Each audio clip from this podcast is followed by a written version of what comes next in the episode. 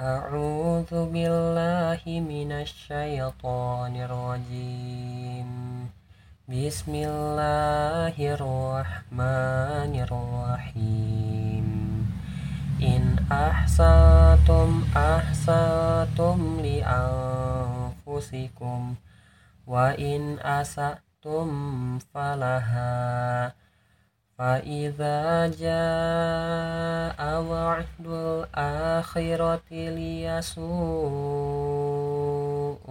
وجوهكم وجوهكم وليدخلوا المسجد كما دخلوه أول مرة وليتبروا ما علوا تتبيرا Sadaqallahul azim Aku berlindung kepada Allah dari godaan syaitan yang terkutuk dengan menyebut nama Allah yang maha pengasih lagi maha penyayang. Jika kamu berbuat baik, berarti kamu berbuat baik untuk dirimu sendiri. Dan jika kamu berbuat jahat, maka kerugian kejahatan itu untuk dirimu sendiri. Apabila datang saat hukuman kejahatan yang kedua, kami bangkitkan musuhmu untuk menyeramkan wajahmu, lalu mereka masuk ke dalam Masjidil Aqsa, sebagaimana ketika mereka memasukinya pertama kali dan mereka membinasakan apa saja yang mereka kuasai. Maha benar Allah dengan segala firman-Nya.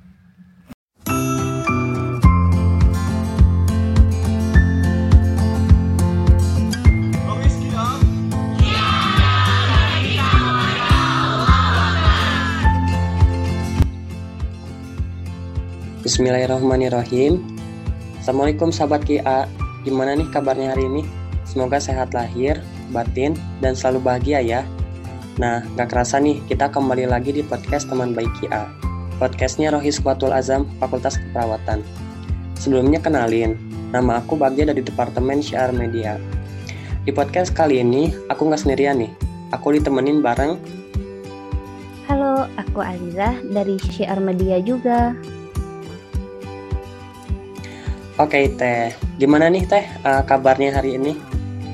Wah, alhamdulillah nih Kang, aku baik. Akang sendiri gimana nih kabarnya? Kalau aku alhamdulillah Teh sama uh, uh, baik juga. Oke, uh, mungkin gak asing lagi ya Teh kalau misalkan kita udah berbincang-bincang di sini, berarti uh, pasti ada yang mau kita bahas nih.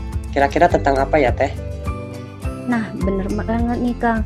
Nah, kalau di series yang kemarin itu kan kita bahas tentang Rufaidah yaitu tokoh yang berperan di bidang keperawatan. Nah, kalau kali ini kita bahas tokoh Islam di bidang kedokteran nih, yaitu Ibnu Sina. Wah, Masya Allah. Ternyata ada tokoh Islam lain ya Teh yang berperan dalam bidang kesehatan juga. Kayaknya kita perlu kenal dulu ya Teh siapa Ibnu Sina. Jadi uh, mungkin boleh Teh dijelasin sedikit uh, biografi tentang Ibnu Sina. Oh ya kita langsung aja kali ya. Nah nama beliau itu adalah Ibnu Sina uh, atau disebut juga dengan Abu Ali Al Husain bin Abdullah bin Sina.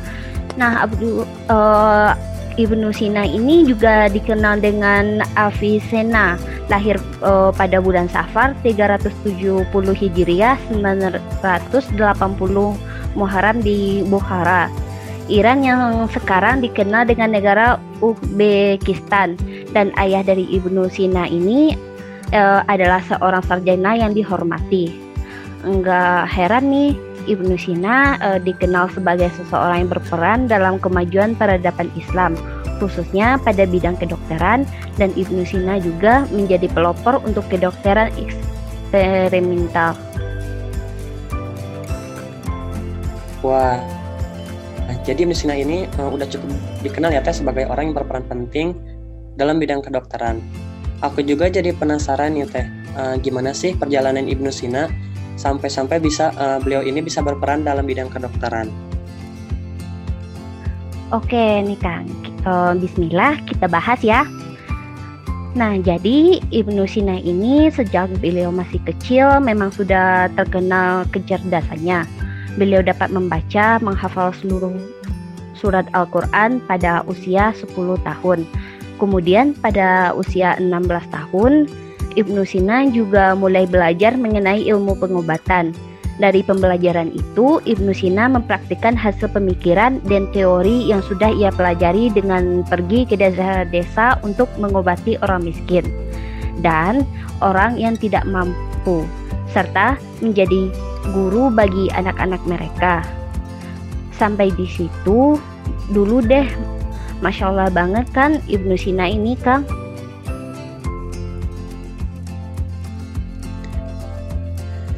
Iya teh uh, luar biasa banget ya teh uh, Ibnu Sina ini. Terus aku juga pernah dengar nih teh uh, Ibnu Sina itu katanya pernah diundang sama raja ya teh. Itu gimana sih teh ceritanya? Nah aku ceritain dulu ya. Jadi waktu itu beliau dipanggil untuk menyembuhkan seorang raja dan beliau dapat menyembuhkan uh, raja tersebut. Kemudian uh, Sultan ini mengizinkan Ibnu Sina untuk mengakses perpustakaan Samanid untuk memperluas pemikiran dan pengetahuan yang luar biasa sebagai bentuk terima kasih karena telah menyelamatkan dan mengobatinya. Kalau dari kisah tersebut kita jadi tahu bahwa begitu banyak manfaat yang beliau berikan kepada orang lain ya Kang? Iya teh benar.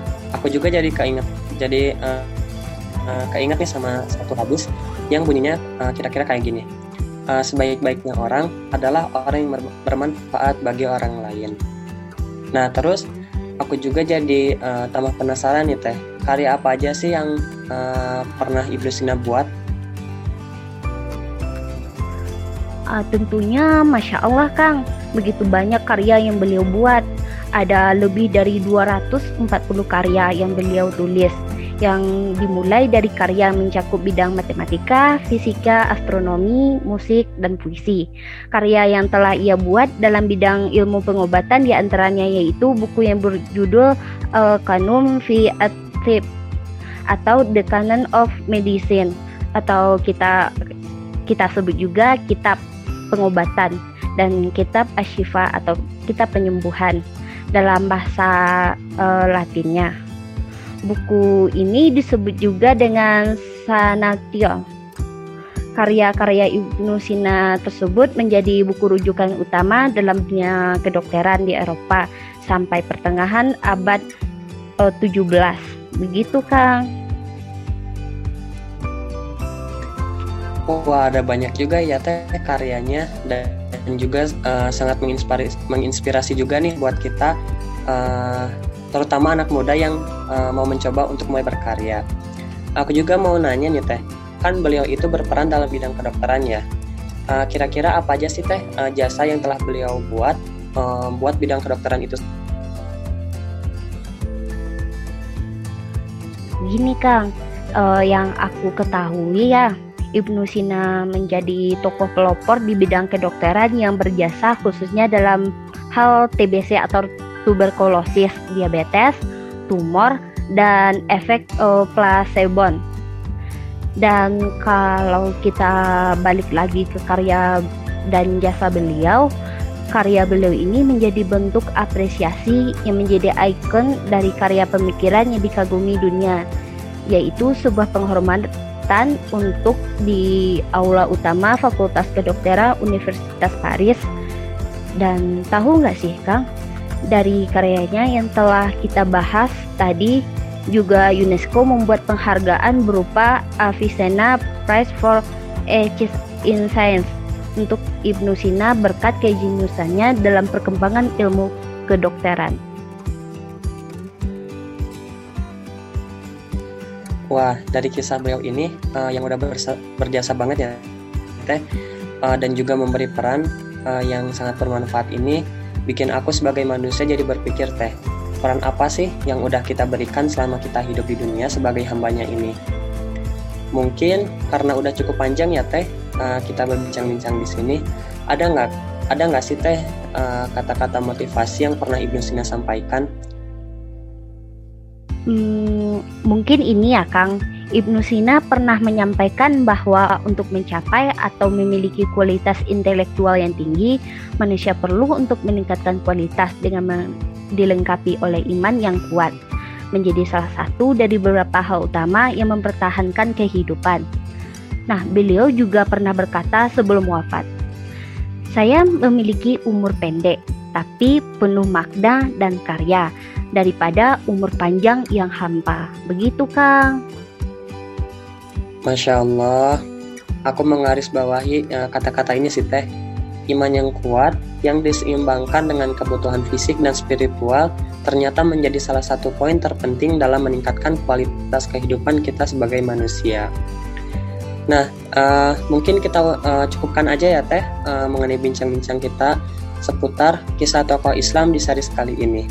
Semoga uh, podcast kali ini mampu meningkatkan lagi motivasi kita untuk menjadi salah satu hambanya yang bisa menebar kebar, uh, kemanfaatan. Dan nggak lupa juga, aku mau ngucapin terima kasih nih uh, ke Teh Azizah atas ilmunya yang telah disampaikan. Sama-sama, Kang. Oke, kalau gitu uh, untuk itu aku Bagja dan